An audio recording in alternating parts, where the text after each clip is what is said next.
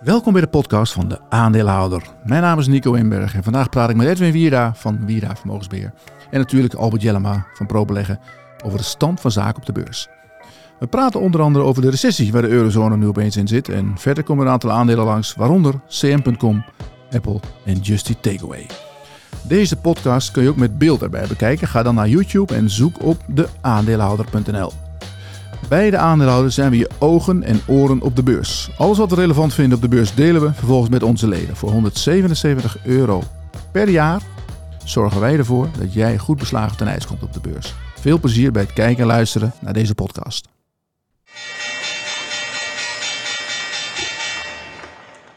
Goeiedag, welkom bij de podcast van de aandeelhouder. Het is vandaag donderdag 8 juni. Beurs doet niet veel. Buiten is het warm, maar binnen gezellig.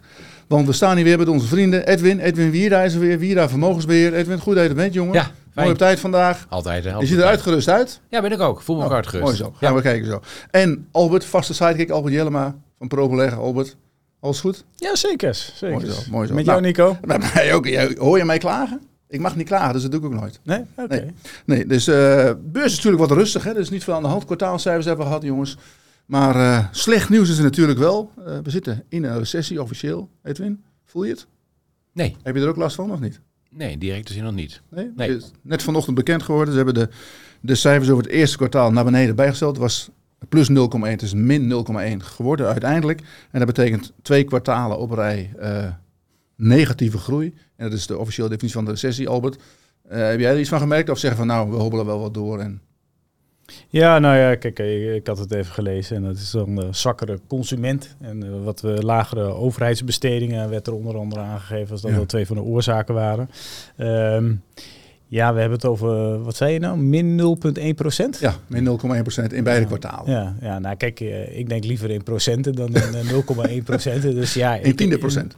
dus ja, eh, pas je op de plaats, zo zou je het ook kunnen Ja. noemen. Maar als je een goede clickbait wil hebben, misschien moeten we het dan recessie noemen. Ja, we zitten in de zware recessie, kun je zeggen. Is, is dit, maar is het, de, de, de centrale banken kijken natuurlijk naar hoe de, de inflatie gaat en hoe de Ja. eh, economie, eh, die moet afgeremd worden. Nou, Ja. dit is een duidelijke eh, afremming, zou je Ja. zeggen. Ja. Ehm, ja, kan dit een signaal zijn voor de ECB om wat rustiger aan te doen? Ze komen binnenkort volgens mij eh, de volgende week met, een- met een meeting. Nou ja, dit is uiteindelijk wel wat de ECB wil. Hè. Die, wil die wil enige afkoeling hebben. Eh, wat, wel, natuurlijk, wat je wel op moet blijven letten is dat... eh, we hebben het nu over de eh, Europese recessie als het ware. Maar je ziet wel grote verschillen ontstaan tussen landen onderheen. Dus kijk bijvoorbeeld ook naar de inflatie. Dat is best wel interessant. De inflatie was vorige maand in Nederland eigenlijk de hoogste van heel Europa. Hè? Dus ook het inflatieverschil neemt, neemt toe. Dat maakt het voor de ECB soms ook, ook lastiger. Ja, wat ga je doen hè, met je rentebeleid? Maar het is feitelijk, hè, het is feitelijk fijn dat hè, wat de ECB wil uiteindelijk dat de recessie komt. Ik denk wel dat ook Nederland het nu wel meer gaat merken dan gemiddeld. Omdat Ja. Nederland natuurlijk binnen Europa een hele open economie is. Wij moeten heel veel hebben van export. We moeten heel veel hebben van wereldhandel. Meer dan veel landen eh, om ons heen in Europa. Eh, ja, je ziet ook heel duidelijk dat de Duitse economie nu slechter begint te worden. En daar heeft Nederland ook een hele grote correlatie mee. Dus ik denk dat Nederland eh, de komende maanden in het geval van een recessie of een verdergaande recessie eh, niet het, het, beste, eh, het beste beetje van de klas Nee. zal zijn. Waar is de inflatie laag? Want dan ga ik daar op vakantie. Wel- welke landen is het laag? Ja, volgens mij in Oost-Europa. Dat Oost-Europa. is relatief Ja. gezien lager dan... eh, Dat de- sla ik een keer over. Ja, nou, Albert, ja, merk je het ook bij de bedrijven dat de bedrijven dat die, dat die eh, bijvoorbeeld vanochtend een bericht van, van Corbion, hè, dat die een, een fabriek wilde bouwen en uitstellen. Is dat ook een teken dat, dat, er, dat bedrijven ook zoiets hebben van nou, het gaat wat minder of zo? Of? Nou, kijk, en eh, om er maar eens een keer een dooddoener in te gooien. De beurs kijkt altijd anders 12 maanden vooruit. hè? En eh, als je de cyclische bedrijven ziet, eh, die zijn eigenlijk, hebben het al best wel slecht gedaan. Hè? Als je kijkt naar een Randstad, ging van 60 naar 45. Ja. Dus als jij ehm, de, de, een index ja, onderverdeelt, dan zie je best wel dat er al impact is geweest. Dus misschien zijn dat juist wel de bedrijven dat, hè, nu je dan de recessie Mhm. hebt, Ja. dat dat misschien nu voor over twaalf maanden op een gegeven moment wel weer interessante kandidaten zijn. Eh, het, het verhaal van Corbion was, eh, en dat is eigenlijk vind ik dat heel sterk dat een bedrijf dat durft te zeggen. Als jij zegt van nou we hebben een investeringsbeslissing genomen op bepaalde eh, parameters met de inputprijzen, met de verkoopprijzen. En daarmee kunnen we een bepaalde return on invested capital halen. Van, nou, ik weet niet wat het was in dit geval, maar bij wijze van spreken van 15 Ja. Eh, als dan je getallen niet meer kloppen, Ja. Uh, dat je dan dat besluit neemt om het niet te doen. Ander voorbeeld was natuurlijk uh, acties. Ja, met die, die heel, in Engeland. Heel, ja. ja. kijk, die hebben hem nog steeds on hold staan. Kost elke maand nog 1 of 2 miljoen. Maar die krijgen de sommetjes gewoon niet rond. Nee. Nou ja, als dat zo is, dan moet je gewoon uh, lullig is dat die al heel lang waren begonnen. Ja. Corbion begint gewoon niet. ik vind het op zich wel, het zijn hele lastige beslissingen, omdat je als bedrijf er natuurlijk naartoe werkt. Maar ik vind het ook wel krachtig ja. dat ze die beslissing durven te nemen. Ja. Edwin, je hebt ze gebeld vandaag geloof ik. Hè? Ja, ik vandaag wat, wat zijn jouw bevindingen? Nou, ik heb wel wat, wat, wat nieuwe inzichten gekregen. Uh, kijk, je moet even, eh, even goed kijken, wat gebeurt hier? Um, uh, heeft gezegd, die fabriek die we in, in Frankrijk hiervoor zouden gaan inrichten, dat gaan we niet doen. Mm -hmm. Dat scheelt inmiddels uiteindelijk een investering van 300 miljoen, hè? onthoud het even. Ja. Um, maar wat zeggen ze eigenlijk? Hè? Ook toen ze vandaag even gebeld hebben. Uh, het zit maar in twee dingen. Enerzijds zijn de kosten om zo'n fabriek te bouwen, die zijn veel hoger dan we twee jaar geleden hadden ingeschat. Zeker. dus de Meer geld materialen, nodig, staal, ja. is niet meer, dus de, de investeringskosten zijn veel hoger dan ze eigenlijk in eerste instantie dachten. Anderzijds laten ze ook een beetje doorschemeren dat de vraag naar PLA, dat ze daar toch wat minder zeker over zijn dan ze dat twee jaar geleden waren. En ze hebben natuurlijk al wat fabrieken voor PLA. Maar ze hebben nu eigenlijk gezegd, dan gaan we dat in, in, in, in, in Frankrijk maar even niet doen. Dus er zitten twee dingen. A, de, af, de, misschien wat minder gevraagd naar PLA. B, de, kosten. Is dat die fabriek die ook in Thailand staat? Daar hebben ze het onlangs ook een fabriek gebouwd. Toch? Ja, dat klopt. Maar goed, dat is een joint venture, hè, samen met, uh, met Total. Maar in die fabriek zijn zij met name van, uh, verantwoordelijk voor het technisch het melkzuur. Oké. En Total voor de, de PLA. Maar goed, als je dat dan toch noemt. Het is wel zo, dat, dat leer ik vanochtend ook weer. Kijk, op het moment dat die fabriek wel gebouwd zou zijn in Frankrijk, ja. dan was er uiteindelijk ook melkzuur nodig geweest. Ja. En die melkzuur toevallig, die, die fabriek zou eventueel in Nederland gebouwd worden. Okay. En als je dan wat verder gaat zoeken, dan zie je ook dat uh, Corbion bij het Nationaal Groeifonds uh, eh, 45 miljoen euro aan subsidie heeft aangevraagd om die fabriek te bouwen. Okay. Je mag ervan uitgaan dat, ja, dat dat dus niet doorgaat. Dus nee. dat, dat, dat die fabriek niet gebouwd wordt. Dus dat het ook weer positief zal zijn voor, um, ja, voor de investeringsbeslissing uiteindelijk. Ja. Uh, een ander aandeel wat ik hier vaak genoemd heb is Avantium. Daar gaan we niet mm -hmm. lang over hebben. Maar neem aan, die hebben 53 miljoen euro subsidie aangevraagd samen met Corbion. Uh, sorry, met Kozoen, sorry. Ja. Uh, bij hetzelfde uh, Bij het Nationaal Groeifonds. Okay. Ja, ja, en uiterlijk 7 juli, dat zijn de feiten, krijgen ze te horen of dat wel of niet wordt gehonoreerd. Dat zou 53 miljoen betekenen. Dat is een hoop geld voor, dat is geld voor dit bedrijf. Ja. Maar goed, Corbion heeft ook aangevraagd, maar het is niet meer nodig, want die fabriek gaat er ja. niet door. Ja, ja. Wat me bij Corbion zelf verbaast is, kijk, het was tot voor kort eigenlijk zo dat heel veel analisten ja, als het over Corbion ging, dan zeiden ze allemaal van ja, Corbion, moeilijk verhaal. Ze hebben relatief een hoge schuld. Heeft ze het afzet tegen hun verdiencapaciteit? Uh, komen daar misschien mee in de problemen? Moeten misschien een keer een emissie doen? Dat hangt een beetje boven de markt. Uiteindelijk, als die fabriek gebouwd zou worden in Frankrijk, zouden ze een schuld uiteindelijk hebben van 800 miljoen. Ja. Dat wordt nu ongeveer 500 miljoen. Ja. Dus ik had eigenlijk verwacht dat beleggers zouden zeggen, oké, okay, dat is minder schuld, dat is minder risico op een eventuele emissie, dus dat zal wat opluchting uh, zijn. Ja, koers deed niet veel, ging een procentje nee, laag hoor. Maar het, het ligt ja. al een tijdje gewoon niet lekker natuurlijk. Corbion, uh, mijn herinnering lag het altijd tussen de 30, 35 euro, 38 wel eens. Ja. Het zit nu duidelijk onder die 30 en uh, misschien moet we toch eens een keer goed naar kijken of dat niet wat uh, Het lijkt, het lijkt, dan altijd, het lijkt altijd gewoon, als je, als je heel basic kijkt, dan lijkt het ook een relatief duur aandeel altijd. Uh, en uh, als je dan de, een van de betere analisten in dit land, uh, dat is uh, Fernand van, van Peterkam, die zegt altijd, je moet eigenlijk verder kijken. Want uh, het bedrijf heeft 300 bio-based products mm. in de portfolio. En daar zit, daar zit zoveel ontwikkeling in, in, in die hele productenportefeuille, ja. dat, daar, dat dat onwijs interessant is voor heel veel andere partijen. Om daar gewoon veel meer uit te gaan halen. Ja.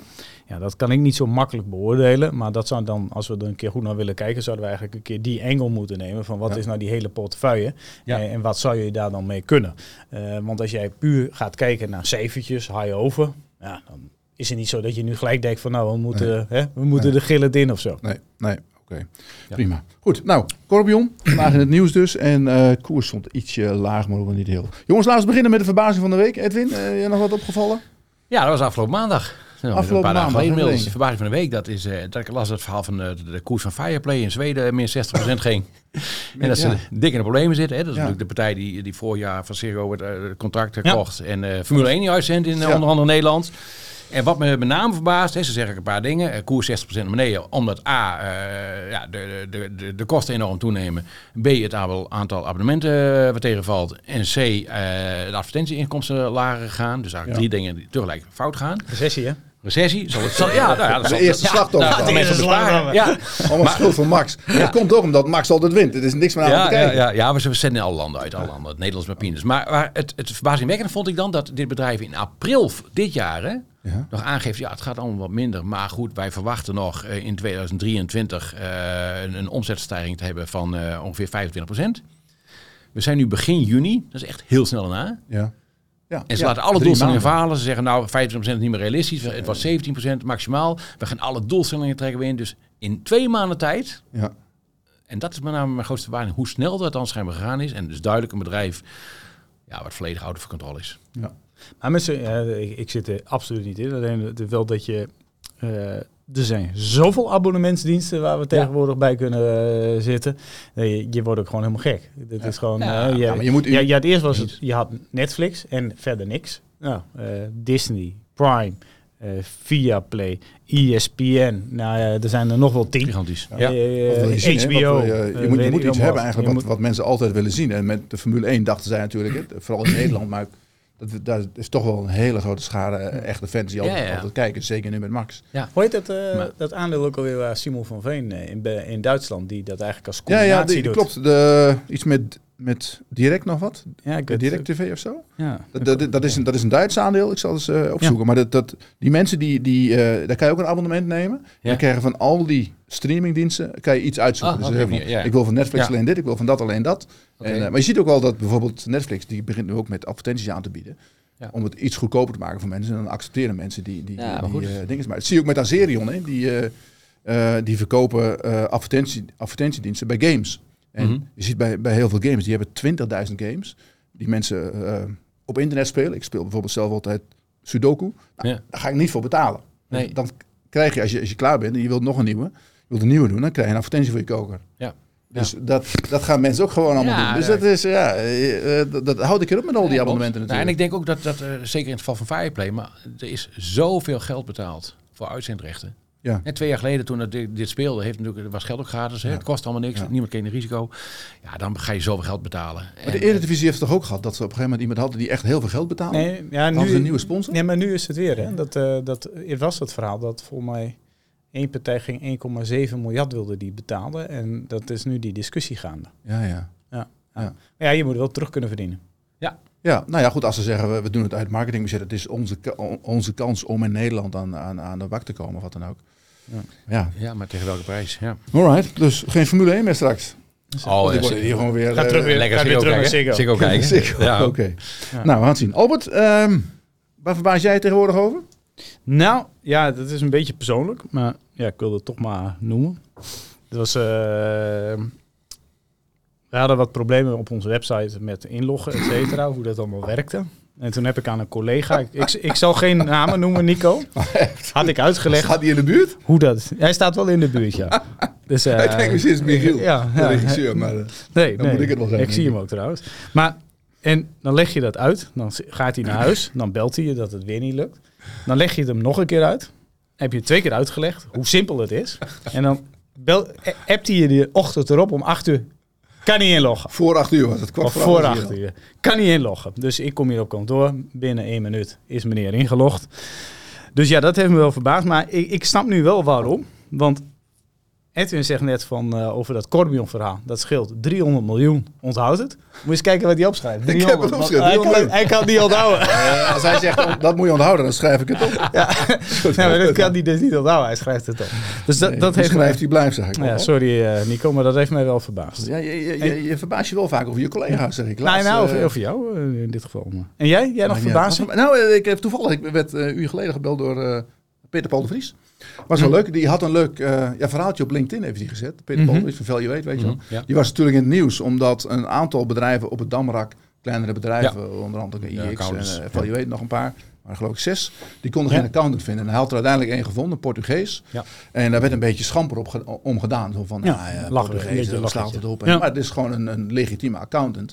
En daar had hij toen een stuk over geschreven. Dat was ook gewoon heel goed dat hij dat deed. Want het is gewoon eh, eh, alles volgens de regels. En eh, nu had hij ontdekt dat Hal, hè, je kent Hal, onder andere de eigenaar van het FD, en hij werd Ja. in het FD ook een klein beetje afgebrand van eh belachelijk gemaakt, zeg maar. Dat het Hal, eigenaar van het FD, die heeft een accountant op een of andere uh, zonnig eiland. Ja, hè? Bermuda. mooi. En die had ook Ja. nog een fout gemaakt ook. Dus daar had hij een leuk, leuk stukje leuk. over geschreven op LinkedIn. Nou, Ja. ik had het even getweet allemaal. En, en eh, het is, eh, daar hebben we het even over gehad. Maar ehm, ik vind het wel, wel ja, verbazingwekkend dat, dat ehm, ja, die beursgenoteerde bedrijven... dat die zo in een mangel zitten. Dus aan de ene kant Euronext die zegt van... nou, sorry, als je geen account hebt, dan ja, Ja. ko- kom je op het strafbankje... en daarna is het, eh, is het over met de pret. En die grote accountants die zeggen van... nou, die halen eigenlijk Ja, een beetje hun neus voorop. Ja. En die, die zeggen, nou ja, daar, gaan we, daar hebben we geen tijd voor, sorry. ja, En dan- ja, maar ja, iedereen, iedereen je zich wel elkaar. Ja, maar er is niemand die meer logisch nadenkt. Nee. Ik vind dat ook voor dit soort gevallen, hè, dat, dat, daar kun je met z'n allen over hebben en dan kun je op een gegeven moment tot een oplossing komen. Maar nee hoor, beide, eh, beide kanten, zowel de accountskantoren, even zwart-wit gezegd, als de Euronext, houden de poot stijf en eh, zeggen zoek het maar uit. Ja. Dus ja, Maar ja, een accountant op eh, Bermuda. En, eh, mag allemaal wel. Maar het is wel leuk om daar dan één keer te gaan. Ja, ja, Moet je ja, even de cijfertjes doornemen. Deze, deze accountant van Hal, Hal en Flotrader Die- zitten in hetzelfde pand, denk ik. die accountant van Hal had zich vergist in de datum. Dus die had het, eh, de, de jaarverslag afgetekend van 2022. En had hij ondergezet 19 maart 2022. Oh, oké. Dus dat, dat en eh, ja, Peter Paul zei tegen mij van ja, hij had het nagevraagd bij een paar accounts. Zegt dat is gewoon ongeldig. Ja, lijkt me Het wel. hele rapport is ongeldig, want er Ja. staat een verkeerde Ja, ja, datum ja. onder. Ja, ja, ja. Dus Hal moet opnieuw naar de boekhouder en dat kost weer eh, zoveel geld. Nou ja, goed, whatever. Leuk verhaal. Laten we eens even kijken, jongens. Albert, eh, eerst met jou even. Just die takeaway. We hebben het best lang niet over gehad. Koers zakt weg, ligt slecht. Vandaag een eh, vrij negatief analistenrapport. Ja. Brian Garnier, een eh, analisten, analistenhuis. En die heeft de koers op 12, koersdoel op 12 euro gezet. dat je hebt het rapport eh, gezien? Ja, dat was eigenlijk de tweede deze week. Hè, want we hadden eerst eh, City, eh, ging naar 19 euro. En dan nu Brian Garnier eh, naar eh, 12 euro. We hebben ook een grote opbouw van shorts gezien in het Ja. aandeel. Veel quant gedreven momentum shorts. Ehm, en eigenlijk als je dan even naar dat Brian Garnier, of Garnier, of hoe je het ook uitspreekt, rapport kijkt. eh, ehm, ja, die nemen eigenlijk, die beginnen het verhaal met van, ja, recessie. Dus eh, mensen gaan, eh, de consument gaat minder besteden. Ja. Dus die, eh, en die hebben dan, ja, ik moet er dan om lachen, maar dat is mijn persoonlijk iets. En die maken dan zo'n dingetje wat het kost om dan in een restaurant te eten, thuis te laten bezorgen, zelf eten te maken. En die zeggen, kijk, maar het is veel goedkoper om zelf eten te maken. dus er gaat een switch komen van dingen Ja. bestellen naar zelf koken. Nou, ik denk bullshit, maar ja. dus die zeggen, er komen minder bestellingen, dus die groei gaat niet doorkomen. Ehm, het, ehm, wat ze verder benoemen is dat ze, ze nemen een soort negatieve eh, visie op de fee-caps. Ze nemen een negatieve vi- visie op de eh, minimum wage discussie die in de Verenigde Staten is. Ehm, en wat ze dan doen om op 12 euro te komen, is dat ze hun oude waarderingsmodel uit het raam hebben geflikkerd. Hm. En eh, dat ze nu gaan werken met EV to sales op elk verschillend land. Oké. Ehm, en eh, dat deed ik vroeger ook bij toen nergens winst werd gemaakt. Alleen ik heb juist dat EV to sales model het raam uitgeknikkerd. Ja. Omdat als bedrijf naar winstgevendheid draait, en zeker gebeurt dat in specifieke landen, dan kijk je naar waarderingsmultiples op winstgevendheid. Ehm, en ehm, om een idee te geven, Justy Takeaway heeft nu een eh, market cap van ongeveer 2,8 miljard euro. Nou, de schuld en de net cash positie lopen op dit moment ongeveer tegen elkaar weg. Dus zeg maar een Ja. enterprise value van 2,8 miljard. Dan schrijft Brian Garnier in dat rapport... in Duitsland dit jaar een EBITDA van 200 miljoen euro. Nou, ze hebben daar een zeer dominante marktpositie. Wordt geschat op boven de 90 En de penetratie in Duitsland is nog relatief laag. Zeker als je het bijvoorbeeld gelijk bij- ten opzichte van een Nederland en in de UK. Ik denk zelf eerlijk gezegd dat die asset alleen al wel 15 keer de EBITDA waard is. Dan zit je op 3 miljard. Nou, als je dan naar Nederland kijkt, hebben ze ook een 80% plus marktaandeel. 100 miljoen EBITDA verwacht in 2023. Nou, laten we zeggen, pak je daar 12 keer, omdat het iets minder is dan in Duitsland en het zal wat minder groei gaan opleveren. Die twee tezamen, Ik schrijf Eh, ook mee, 4,2. ja, zit je al op 4,2 miljard. Ja. Dus iemand gooit zijn oude waarderingsmodel het raam uit, waarbij dat in sommige landen juist het waarderingsmodel is. En pakt een EV to sales multiple, wat je eigenlijk voornamelijk doet bij weer verliesgevende bedrijven om nog iets tot een waarderingsmodel te kunnen komen. Dus ik vond het een op zich eh, ja, echt best wel beroerd rapport. Ja. Nou, als je dan dat van City pakt, dan denk ik met de cijfers die zij opschrijven, van Citigroup die gingen naar 19, die komen gewoon uiteindelijk op de huidige koers op een free cashflow yield over drie jaar van 10% te zitten. Dan denk ik van ja, ik kom met diezelfde getallen tot een hele andere waardering dan jullie. Alleen, eh, eh, ik denk dat het vertrouwen zowel bij heel veel beleggers, eh, dat hebben we al vaak gezegd, dat is dood op de grond. Ja. Momentum shorts, quant gedreven, die trappen het lager en lager en lager. Ja, en het bedrijf is stil. Geen strategische actie. maar jij bent op de periode. AVA geweest. hè? Ja. Je hebt met Jits gesproken. Heb je dan, Ja. Want hij moet het toch ook voelen en zien? Ja, ze voelen het Eh, ook. is- alleen is er eh, enige Ja, nee, kijk, het is ook heel terecht dat iedereen eh, er een hele de negatieve perceptie bij heeft. Want CrubHub staat al anderhalf jaar Ja. in de verkoop. De verliezen in Zuid-Europa die blijven maar stapelen, stapelen, stapelen. Australië, Nieuw-Zeeland, ja, wil die wel wat, maar er gebeurt niks. Dus dat iedereen zijn vertrouwen verliest, eh, eh, eh, ik begrijp het volledig. Alleen durf je te kijken naar die onderdelen in 200 miljoen E EBD EBITDA in Duitsland dit jaar en 100 in Nederland, dan kom je qua waardering wel op eh, eigenlijk een soort noodniveau. Ja. Maar dat wil niet zeggen dat het niet lager kan. Want als er gewoon geen enkel vertrouwen komt van nieuwe beleggers, dan er, er moet er op een gegeven moment een kantelpunt komen doordat er wat gebeurt. Nou ja, de- Ja, de- ze zullen zelf de- wat, de- wat moeten de- laten de- horen. de- dus. Er zijn genoeg mogelijkheden om dat kantelpunt te creëren.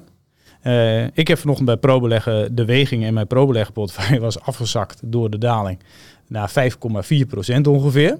Mhm. Dus ik heb de weging op 13,84 vanochtend weer verhoogd naar 7,5 procent. Want het was in mijn portefeuille afgezakt naar de laagste weging zo Je, ongeveer. je bedoelt, ik heb bijgekocht. Ja, eh, middelig. Hè. Dat moet je nooit doen. Maar, ja. hè? maar het staat nu dan op plek 7 in mijn Ja. Dus het is nog steeds niet een grote positie. Alleen ja, als die draai er wel op een gegeven moment komt, dan wil ik ook wel dat het nog enige impact heeft. Want als je 5% hebt en het stijgt 30%, dan Ja, zet het mee. geen zoden Nee. mee. Nee, Maar ja, dat is mijn eh, zeg maar gekleurde bril. Ja. Waar je iets waar je veel Nou ja, van het is wat het is. We, we zien, ik heb ook gedacht, er, er zal misschien een grote verkoper in zitten. Of een, Ja, maar kijk, aan de andere kant kun je ook zeggen, kijk, ik, ik kijk altijd naar bedrijven, probeer ik zoveel mogelijk fundamenteel naar te kijken. Hè. Beurzen zeg ik altijd, beurs is fundamenteel en het is een soort psychologie. Maar als je fundamenteel kijkt, naar zo'n bedrijf als Just Takeaway, eh, eh, alles wat Albert zegt, ik ben het volledig mee eens, alles klopt fundamenteel gezien. Maar je zou, je, wat er nu gebeurt, ook qua eh, ook rapporten die nu geschreven worden. Ik heb gewoon het gevoel dat er gezegd wordt, jongens, de koers staat nu daar. We willen een rapport schrijven wat uitkomt op dat, koersniveau. En vervolgens gaan we de argumenten erbij zoeken hoe we daar terechtkomen. Je gaat je waarderingsmodel ga je in één keer veranderen. Dan een andere koers. Ja, dit zijn allemaal van die dingen. Mij bekruipt soms het gevoel dat ik denk, ja, ga wij zo meteen over twee, over drie jaar een boek lezen dat dan uitkomt en waarin dan staat beschreven wat er allemaal gebeurd is bij TKW en wat er werkelijk speel aan de hand was en wat er achter- op de achtergrond speelde en wat de rol van de analisten was en andere hedgefonds misschien. Want dit gaat, beleggingstechnisch gaat het helemaal nergens meer over. Nee. Dit kun je niet meer verantwoorden. Oké. Nou, Ja, je eh, krijgt wel het idee dat eh, zo, zo, zo die analist van de Brian Garnier, die heeft gewoon ja, 12. Nee, dat heeft hij eerst 12 ingevuld en toen is hij naar Ja, boven gaan modelleren. Ja, Ja. dat denk ik wel. Eh, Dit is wel een mooi ankertje naar het volgende aandeel, jongens. Want eh, we hebben net eh, Jongen, jongen, ja, gezien. Exmar. Exmar. Exmar wordt overgenomen. hè. Er komt een formeel bod Ja. van 12,10 euro. Zit er net naast eigenlijk met die 12. Maar eh, nu, nu, eh, nu lezen we in de Belgische pers. Exmar stond eh, rond de 3, 4 euro. Is opgelopen toen ze hun schepen die ze die werkloos aan de kant lagen. eh, Eentje hebben verkocht. Eentje is heel goed verhuurd in de Eemshaven met gas. Ehm, de grote aandeelhouder doet nu een bod, officieel een bod. 12,10 euro, min een euro dividend, 11,10 euro. Ehm, in de Belgische pers lees je nu alleen maar dat, dat de fairness opinion van een analistenhuis, Hm. de Groof Peterkam in dit geval, daar worden ook twijfels bij gezet dat die een beetje ja, uitkomen op de koers van het bod, als het ware. Eh, ehm, Albert, misschien, jij bent natuurlijk oud, oud analist ook. Kun, kun jij eens ehm, schetsen, hoe gaat zoiets eigenlijk in zijn werk? Die man dus, we, we hebben een koper, stel ik ben de koper. Albert, eh, of, eh, Edwin is Exmar en jij bent eh, eh, een analist. Of, of, of eh, Edwin is, de- is de Chinese wall. Het Chinese Wall. Het Chinese Wall. Ik hoor niks, ik zie niks. Maar iemand die wil het overnemen en kijk, die, die, We doen een rollenspelletje. Leuk. die spreekt natuurlijk met dat bedrijf. Ja. Hè, dus ik wil het kopen. Mhm. Dus ik zeg van, eh, ik bied 12 euro. ja, en hij is de corporate finance man die achter die Chinese muur zit. Ja?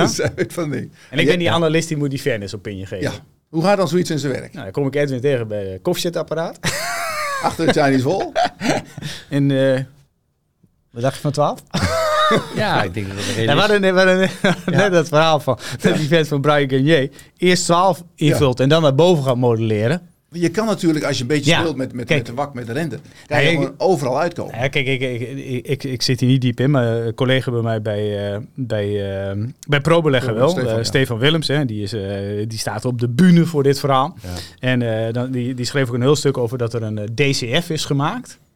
Eh, de Scouted eh, cashflow methode. Als je wat langer belegt, dan weet je dat een DCF, die kun je alle kanten opknallen op basis van de terminal growth rate. Ja. Dus het is gewoon. eh, en, en, ja, en als je dan precies in de buurt komt van wat het bord is. Ja, kijk. eh, ja, we kunnen het ervan vinden wat we vinden. Maar de- ja, dit verbaast toch ook niemand? Nee. Dit nee is toch- goed, zo'n zo'n analist wordt ingehuurd en die, die moeten... Je zag er ook, ik heb er wel vaak Ja. bij dingen gezien. Zit altijd redelijk in de buurt. Was ook met Boskalis, weet je nog? Ja. En daar hebben ze nog een eurotje erbij geplust. Ja. Stond, eh Bedowski stond in tv van ik, ik heb mijn nagels kapot gekrapt op de muur Ja, ja, ja, om geld ja, bij te krijgen. ja. Nou, eh, het zal wel. Dit is hoe het werkt. Ja, dit is hoe het werkt. Dus je kan eigenlijk weinig gaan doen. En mensen kunnen het beste denk ik gewoon een aandeel even vasthouden. Kijken wat er gebeurt. Kijk, als je hierover gaat piepen, dan eh, zeg ik. eh grow up, this is the real world. Ja, zo gaat het in de techie. Nou goed. Dan eh, de lezersvraag van de week. Die hebben we soms ook en zeker nu. Eh, ik kreeg een vraag, misschien wel aardig om daar ook even over te hebben jongens. Over de verzekeraars, blijven wat achter. We zagen wel vanochtend Nou. een, een, een ehm, koopaanbeveling van, van, van RBC, van Egon en NN. Maar de vraag van, van die persoon was, ik moet zijn naam even kwijt, die zei... ik hoor jullie heel vaak over Egon en NN, Hm. ja, maar nooit over ASR. Dat is denk ik niet helemaal waar, maar is, is ASR een achterblijver in die... In die Tussen die drie, Edwin, dus ja, heb, je, heb jij verzekeraars in je portefeuille? Voor de, Ja, ook alleen Egon. Alleen Egon? Ja, ik denk Geen dat... NN en ASR? Nee. Nee. Jawel, ik heb Nee. goed nieuws voor je. Wat dan? Je hebt ook ASR. Ja, uiteindelijk wel. Ja, met een indirecte belang. Ja, uiteraard. Ja, 30% zelfs. Ik heb 30% ik heb aan. 30% nee, ASR. Ja. Je komt thuis zeggen, ik heb ook ja, Ja, ASR. nee, maar dat, dat is Dus goed je, zegt. Want heel, hebt- je hebt eigenlijk geen 3%. Als je stel je hebt 3% in de Egon, heb je eigenlijk 1% in de ASR. Ja, en klopt. 2 in de Egon. Nee, dat, weet, dat is goed dat je zegt. Heel weinig mensen weten dat. Want kijk, hè, door die overname is gewoon dat belang is 30%. Hè, dus Egon heeft 30% ASR, dat klopt. Ja. Maar ik denk wat ook misschien wel belangrijk is, dat waarom ASR wat, wat, wat minder in de belangstelling staat, is dat ehm, Egon is natuurlijk wat bekender bij het grote publiek. Hè, sowieso. Eh, Daar speelt ook tegen ander. hè, nu. speelt ook een ander, hè, er is ook wat een ander soort leiderschap. Eh, Nationaal Nederlanden is over het algemeen wat meer verzekeringsbedrijf. Hè. Dat is iets, iets conservatiever misschien dan Dat vind Egon. ik wel het saaiste bedrijf van de beurs. Ja, ik denk ook. Maar bij, kijk, bij ASR zit natuurlijk de, de, de grote onzekerheid die er nog is. Kijk, ASR heeft natuurlijk Egon Nederland eigenlijk overgenomen. Dat is eigenlijk wat er feitelijk gebeurd is.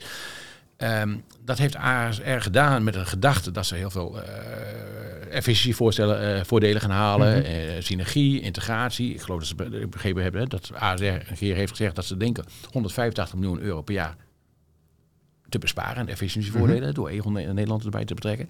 Ja, de grote vraag is natuurlijk of dat gebeurt. Ik denk dat beleggers daar ook een beetje op wachten. Is het inderdaad zo dat die integratie van die twee bedrijven, het is een hele grote ja, overname eigenlijk geweest, gaat het inderdaad opleveren wat iedereen hoopt? Gaat vaak goed, gaat vaak slecht. Hè? Maar ik denk dat, dat het ook een beetje wachten is in de verloop der tijd. Van ja, wat, eh, eh, hoe goed loopt die, die fusie of die overname eigenlijk? Eh, wat wordt er inderdaad verdiend door die overname?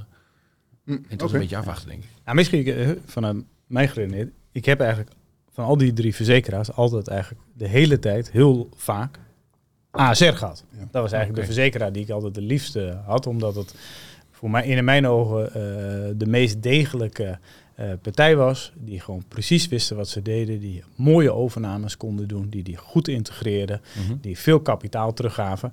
Ehm, alleen nu zijn ze de, eh, doen ze een hele grote overname. Alleen daarom zit ik nu in Egon.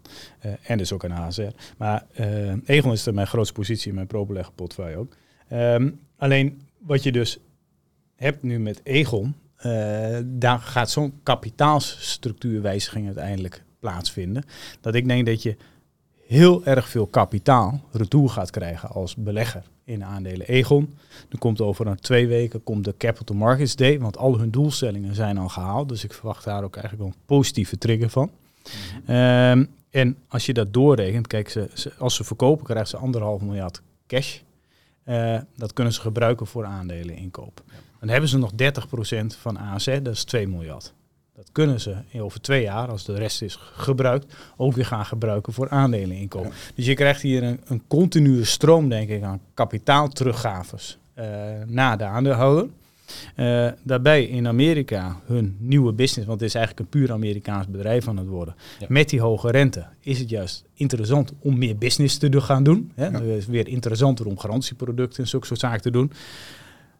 En dat is waarom ik nu eh, de voorkeur heb voor, voor Egon. Al moet ik zeggen, zo'n NN, als je daarna kijkt naar die yield en wat er terugkomt. Ja, poe, poe, poe, dat is ook wel echt wel interessant. Ja, maar alle drie. Ja. En uh, ja, dus het is, ik, ik, ik, ik zit in Egon, maar ja, ik, ik denk dat de andere twee gevoelsmatig ook heel nou ja, goede beleggingen Er is één ding misschien wat erbij komt. Wij zitten ook in Egon, maar hè, de, de, de extra wat je nog zou kunnen noemen voor Egon is natuurlijk dat en door die verkoop van, van Egon Nederland eigenlijk is Egon nu heel erg gefocust. Hè? Het, het is eigenlijk voornamelijk de Amerikaanse tak. Dat is eigenlijk het, hele verhaal van Egon. Dus het is, een, het is uh, meer gefocust, het is linear mean, het is geografisch allemaal wat simpeler. Dus voor een, bijvoorbeeld een Amerikaanse partij, om eens een keer bijvoorbeeld een Egon over te nemen, ja, die kans is veel groter dat het nu gaat gebeuren dan dat twee jaar geleden was gebeurd. Dan hadden ze ook natuurlijk die hele Nederlandse ja, dat zou kunnen. Maar ASR hebben natuurlijk ook nog het risico, ASR moet die integratie doen van Egon Nederland. Dus dat, is, dat is wat ik zeg, ja. Dat, dat, ze, ze doen niks anders dan uh, overnemen, maar dit is wel een hele grote kluif, dus daar zit ook nog een klein... Risicootje misschien.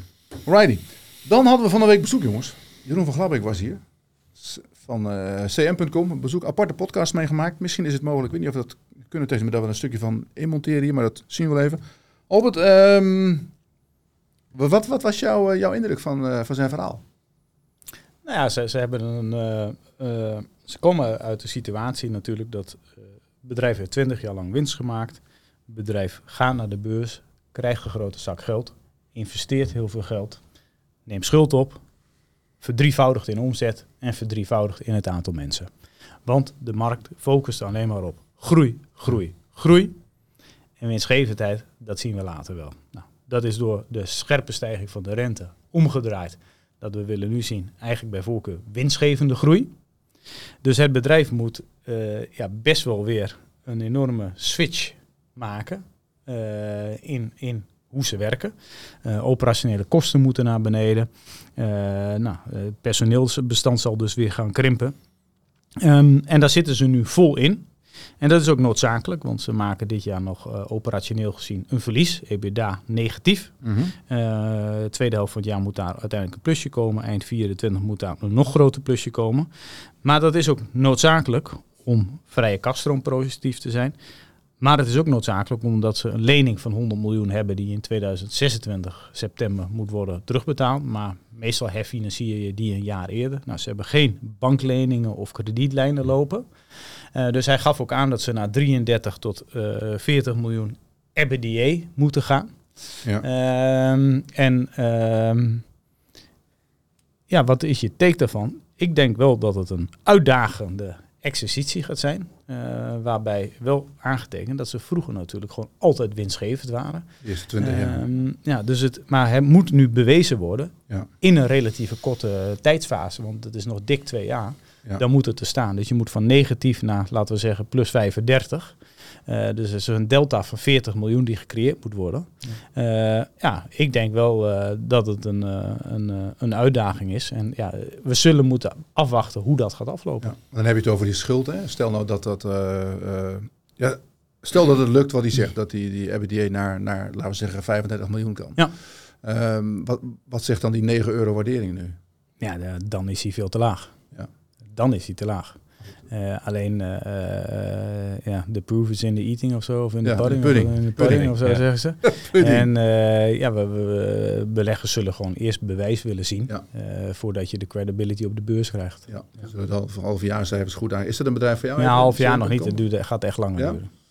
Nou ja, goed, je vraagt me, kijk Nico. Ik, ik, eerst even complimenten hoor, jullie. Want ik heb het, uiteraard je uitzending gezien. Nou, we hebben dat erg goed gedaan. Ja, top, top. Goede vraagstelling, kritische vraagstelling. Uh, en, een mooi moment voor de kijker, voor de luisteraar. Om weer wat dingen te leren over bedrijven. Ja, maar daar gaat ook een, een mooi verhaal. je krijgt een mooie diepgaande informatie over het bedrijf. Uh, is het een bedrijf voor mij of voor ons? Um, ja, ik vind het lastig. ik ben heel eerlijk gezegd, als ik hem zie, de, de CEO zie... Uh, dan denk ik ook een beetje Jesse Groen qua, qua uitstraling, qua, qua uh, jeugdigheid. Ja, qua, qua karakter is hij dat. is wel een jongen die nee, hij akkoord, is wel heel bevlogen. Nee, akkoord, akkoord. Maar het is, het is een ander bedrijf dan een verzekeraar. Hè? Dat snap ik. Ja. We hadden net over verzekeraars. Maar als je een Jos Baten van ASR of meneer Wijnandsloop van Egon ja. hebt, dat is natuurlijk een heel ander soort leider, een heel ander persoon. Maar dit is ook een oprichter. Hè? Het bedrijf akkoord. Van, dit, en, en, natuurlijk, CM is een ander soort bedrijf. Hè? Eh, jeugdige, andere ook verhaal.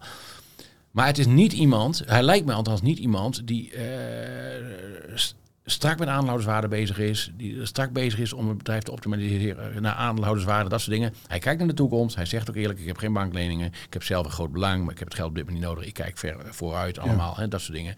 Ehm, begon op een zolderkamertje eh, met een jeugdvriend, nog steeds. eh, en het is steeds groter geworden. Maar als het gaat om stabiliteit en om, om, om daadkracht en om visie en focus en letten waar aandeelhouders mee bezig zijn. Ja, weet ik het niet. Pas bij het soort bedrijven. hè. En de waardering is er inmiddels ook naar, het kost bijna niks meer. Je moet Maar- niet vergeten, dit soort bedrijven, de- niet alleen dit, maar al die, die bedrijven hebben ook een rare tijd meegemaakt. Tuurlijk. De tijd dat ze werden Tuurlijk. opgejaagd van groei, groei, groei. Tuurlijk. En ineens zegt de markt van, hé, hey, eh, rustig aan, winst maken nu. Ja, maar als dit soort bedrijven, hè, met dit soort leiders, en, en nogmaals, ik ben er niet bij geweest, maar op het moment dat dit soort bedrijven als CM.com met de rug tegen de muur komen te staan, en ze komen, en dat is nu nog niet het geval, maar stel het zou gaan gebeuren, en er zijn hedgefonds in Londen ermee bezig, en die gaan eens even eh, kijken hoe ver ze kunnen gaan en wat ze kunnen forceren, dan gaan mensen met dit soort leiders, in mijn beleving, niet winnen. Nee. Nou ja, goed, we zullen zien. Het, eh, ze, ze, ze moeten wel wat bewijzen. En eh, er is nog wel tijd. Hè? Het is niet dat, ja, nee, absoluut, absoluut.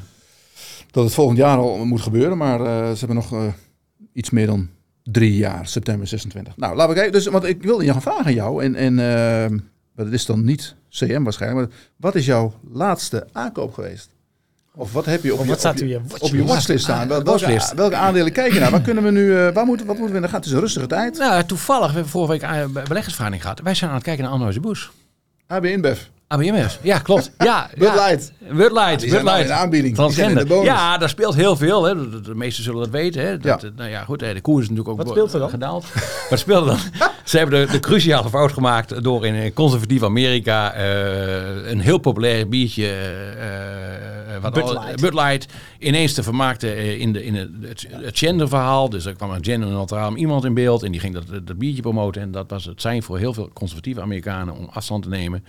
Eh 25% mi- minder omzet. Eh, ruzies in, in, in Amerika. Ook partijen die nu zeggen, we kopen helemaal niks meer van dit, dit merk. nee, ja, ze hebben het daar verkeerd gaan. De, de, Verkeerd ingeschat. de, de, ja, de oude doelgroep die is boos, want die zeggen van ja, je komt met de transgender aan en wij Ja. zijn het zijn allemaal zijn rednecks. Maar, dus je ziet allemaal foto's van die supermarkten waar al het bier op is, behalve Bud Light. Ja, ja, klopt. Maar de nieuwe doelgroep waar ze op aasten, zeg maar de, de, Ja. ja, de woke mensen, die zijn ook boos omdat AB InBev geen afstand Geen afstand van nemen. Nee, die ze hebben dus, de, de kinderen kunnen niet Dus nu is iedereen boos. Nu, ja. Maar goed, het feit is dat die aandelenkoers enorm gedaald is. Enorm.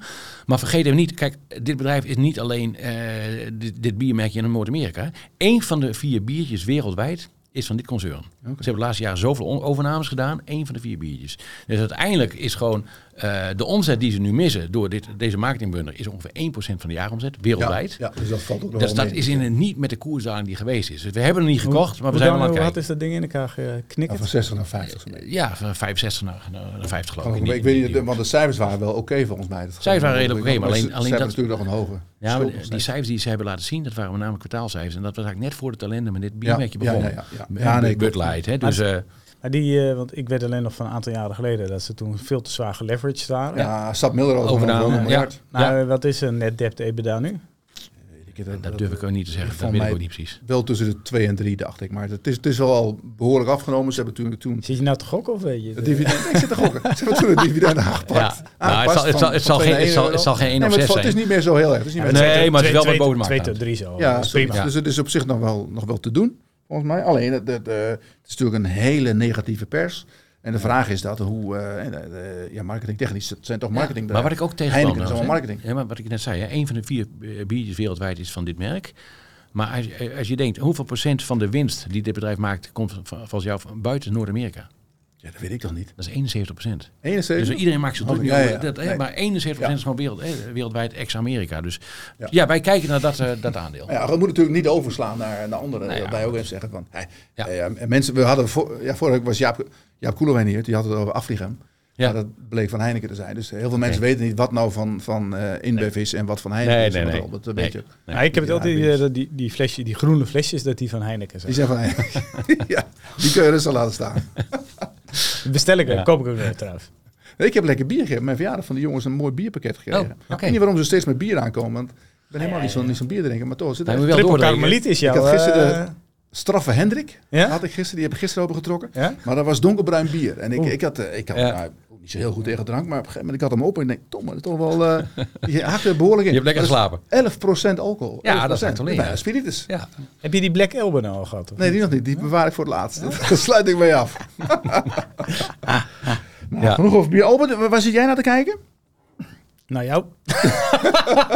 Kun je doen, maar ik ben niet te koop. Aandelen? Ehm, vandaag dus eh, wat aandelen bijgekocht in eh, Justy Takeaway en in Euronext. Oh ja, Euronext ook nog. Eh, dus daar, het aandeel, dat is eigenlijk, dat wordt heel erg ehm mee verhandeld in mijn ogen op basis van de volumes die er op de Ja. beurs plaatsvinden. Eh, terwijl het bedrijf eigenlijk in de laatste jaren zo'n enorme transitie heeft eh, doorgemaakt dat eh, inmiddels eh 58% van de omzet komt meer uit datadiensten.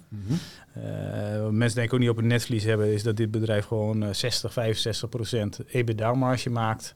Dat ze van die EBITDA, eh, kijk, ze zijn nu aan het integreren met beurzen Italiana, eh, ja, Italiana, maar anders dan converteren ze ook ongeveer 70 procent van die EBITDA in vrije kaststroom. Dus als die integratie nu klaar is, dan zit je in 2025, hoor, denk ik, op 11, 12 procent free cashflow yield. Ja. Dan zit je op een net debt EBITDA, EBITDA van 1, eh 10 keer de winst. Ja, het bedrijf gaat gewoon verder met consolideren van die markt. Eh, steeds meer onafhankelijk van beursvolumes. Eh, dus dat vind ik interessant. En, en nog een hele verrassende, eh, waar ik ook naar zit te kijken. Dan zul je wel denken, die jongen die is de weg kwijt. Tom Tom, Tom Tom. die jongen is de weg Hij is onder de 7. Onder de zeven Ja, weer. Tom Tom tussen 6 en 7 kopen, boven de achteruit. Dat, dat is eh, altijd een ritje. Ja. Hij het is wel, eh, dat is, het is wel intrigerend. Hè? Want Tom Ja. Tom, eh, als je nou hebt over structureel teleurstellen op de markt. Ja, dit is er eentje. Tom Ja. Tom was altijd voor de Hè? betaalcijfers moest je short en Ja, dan ging het 10% af. Maar dat stond ook heel snel weer op niveau. Dus en het grappige is nu dat hè, we hebben de oude consumententak, wat natuurlijk eh, Ja. ja. uiteindelijk eh eh, tot en begraven is. Ehm, maar ze hebben extreem veel geïnvesteerd in hun kaartenbusiness. En dan heb ik het ook, ook echt over extreem veel. Als je de R&D ziet die zij uitgeven op jaarbasis, op de omzet, dan schrik je echt helemaal dood over hoeveel dat is. Dat lopen 350 tot 400 miljoen op een bedrijf met een omzet van 550. Even nadenken. Dat is, eh, of moet je misschien even onthouden, eh, opschrijven. Maar dat is echt, eh, echt heel veel. En nu is het zo dat ze hebben zich aangesloten bij een, eh, bij een eh, platform waarbij ze veel betere HD-kaarten kunnen gaan maken. Maar dat scheelt ook uiteindelijk in die ontwikkelingskosten. En ze zeggen nu in Location Technology willen wij 600 miljoen omzet halen in 2025, 26. En wij verwachten dat voor de groep de vrije kaststroom naar boven de 10% gaat lopen op de omzet. Ja. Wat ik denk eerlijk gezegd ook makkelijk zou kunnen. Alleen, ja, niemand, ze hebben het nog nooit gehaald, eh, is zoiets. Eh, en wat je dan krijgt is een bedrijf wat je, eh, als dus die investeringen inderdaad structureel aan omhoog komen, is er misschien nog wel veel meer mogelijk. Maar je hebt een bedrijf met 300 plus miljoen cash op Ja, de balans. Het helft van het net aandeel cash. bijna. Ja. Daarnaast, als ze dan 60 miljoen gaan genereren, en dan staat ook in de Capital Markets Day die ze de laatste keer hadden gehouden, staat ook bij, als ze dit graag ontvouwen, gaan ze ook kijken naar hun kapitaalstructuur. Oftewel, ja, als jij 60 miljoen, er staat ook bij 60 miljoen plus. Of 16% plus, dus dat is waarschijnlijk 65 miljoen. En niemand gelooft het. Ik ook niet. Maar stel je nou voor dat daar een beweging komt dat ze er inderdaad door die investeringen die echt heel grof zijn, eh, stabiel tot iets te laten dalen. Eh, afsplitsen van uiteindelijk van die, van die, eh, die, eh, die eh, consumentendivisie of stoppen gewoon.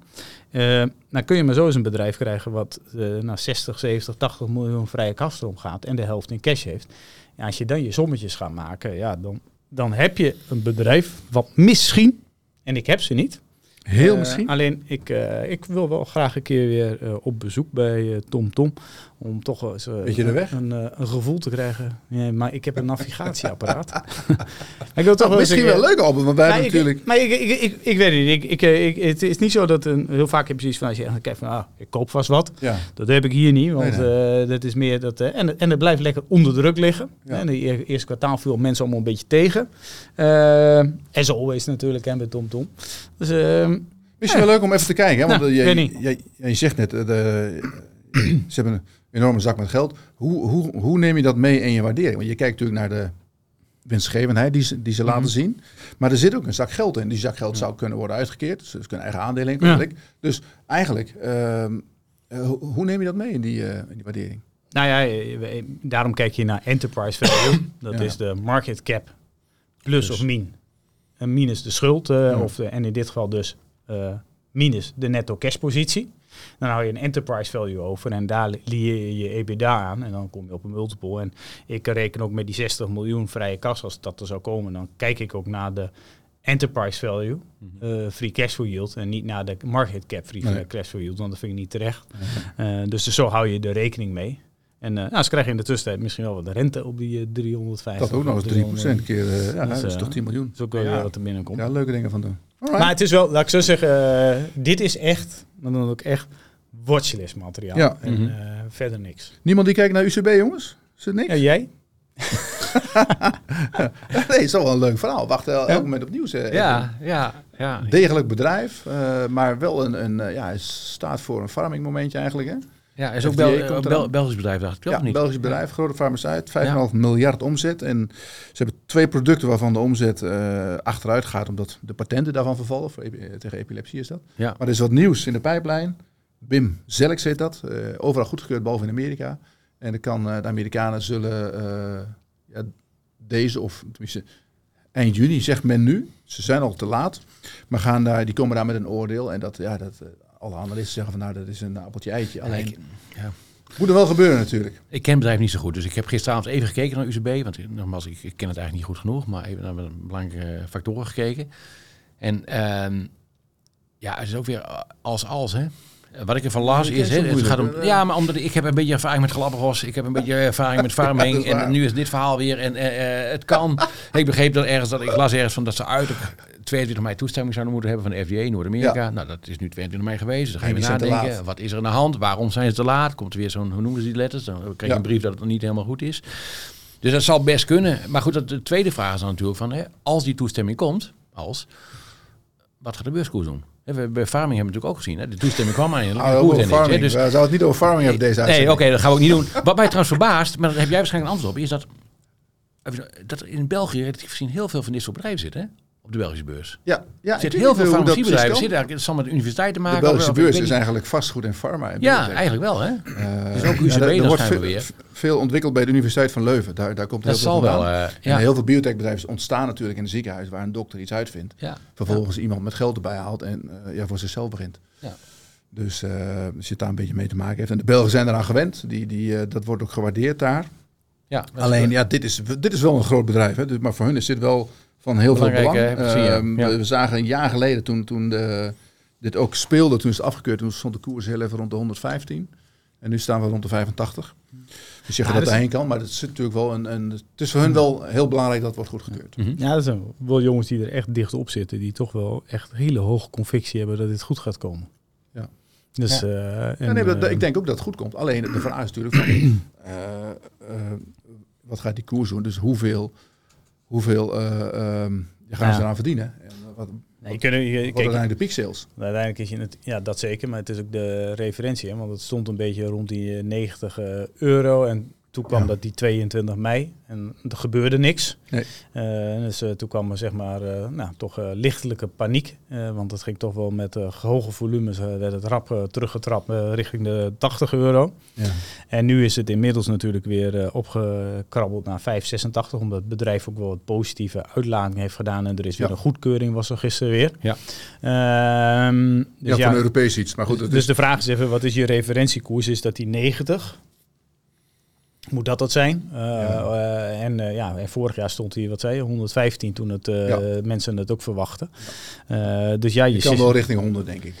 Ja, nou ja, laat ik zo zeggen. 100, alleen als het, als het niet goed gaat. Ja, dan zal we zagen in zo'n rapportje voor mij dat het dan wel 15 euro afkomt. Ja, dus dan, dat is natuurlijk ook de andere kant van de medaille. Ja. ja. Alright. Goed, we zijn aan het einde van de show, man. Heb ik nog iets vergeten? Heb nog een laatste woord, Edwin?